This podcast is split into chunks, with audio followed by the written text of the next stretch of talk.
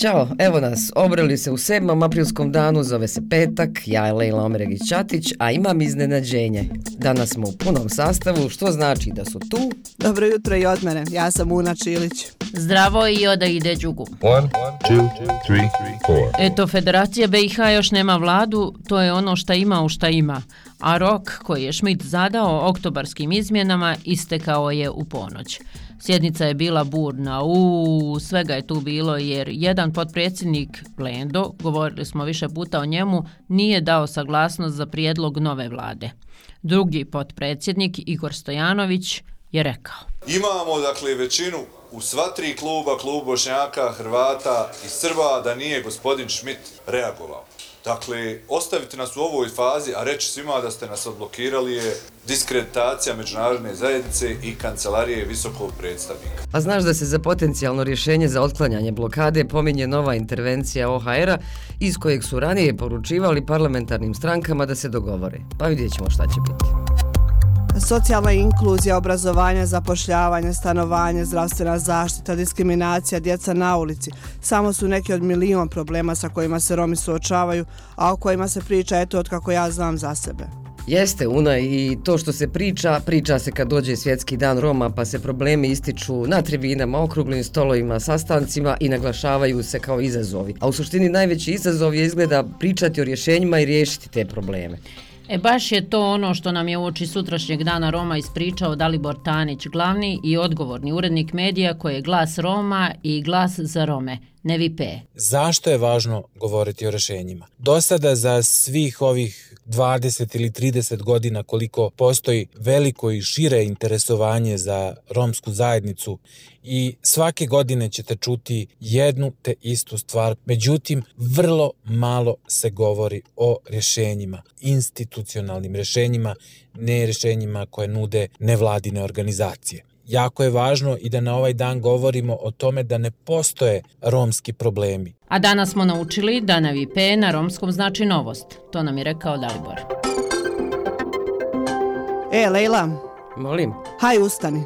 Otkad si zakucana za taj kompjuter? Jesi vrijedna ko pčela, ali moraš vala malo odmoriti. Lijepo je, Lejlo, što si vrijedna, ali više satno sjedenje nije zdravo. A trpe i vidi kičma, cijeli organizam. Znam, znam, evo idem da prošetam.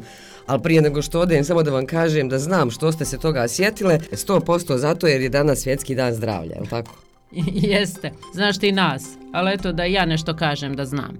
75 godina se obilježava dan zdravlja jer se tada svjetska zdravstvena organizacija osvrće na uspjeh u javnom zdravstvu koji su poboljšali kvalitet života u posljednjih sedam decenija. Ali ne govori se samo o uspjehu, nego i onom kako modern način života može ugroziti zdravlje. Evo, o tome su prije dva dana u Mostaru govorili oni zaduženi za javno zdravstvo, pa je Ivan Čava sa medicinskog fakulteta narodu poručio. Sjedilački način života, sve manje bavljanje fizičkim radom, udaljavanje od prirode, zatim konzumacija brze i nezdrave hrane, zatim nedovoljna higijena spavanja i nedovoljno vremena za odmor nose sa sobom brojne rizike. Između ostalog, danas imamo višestruku pojavu pretilosti, Zatim također imamo i značajno povećanje učestalosti brojnih bolesti, kao što su maligne bolesti, autoimune bolesti, neurodegenerativne bolesti.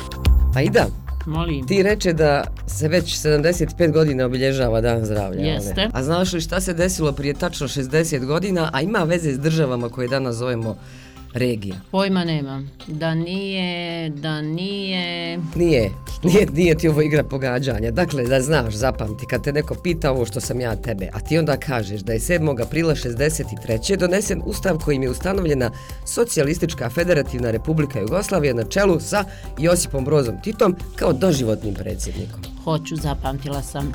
A kad smo već kod tog, mogu li ja da napomenem ovo? Sve države regije bile su republike u SFRJ, odnosno dvije zbile pokrajine, bilo šest republika.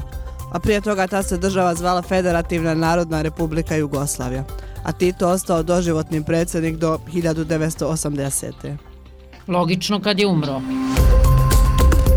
Danas je veliki petak kada katolici poste i ne jedu meso. U nedelju je uskrsa. Znaš ti, Lejla, što treba do nedelje da se uradi? Mm, da se prespava subota. Pa dobro, jes to, ali i da se farbaju jaja. A mogu i krompiri? Čuj, krompiri. Što bi farbali krompire? Pa jeste, danas sam čitala da u Americi sad imaju trend farbanja krompira jer je cijena jaja porasla za 55%, zamisli 55% pa skupo farbati jaja. Jest, jest, jedna marketinška organizacija je kao predložila da ove godine umjesto uskršnji jaja budu uskršnji krompiri. Ne znam šta će na to samo reći uskršnji zeko. Ali eto ideje. I to je to od mene sad. Ćao. Zeko ti je već pobjegao u šumu, bježimo i mi u prirodu. Ajde, čao. A od mene imate mahanje i želim vam ugodan vikend.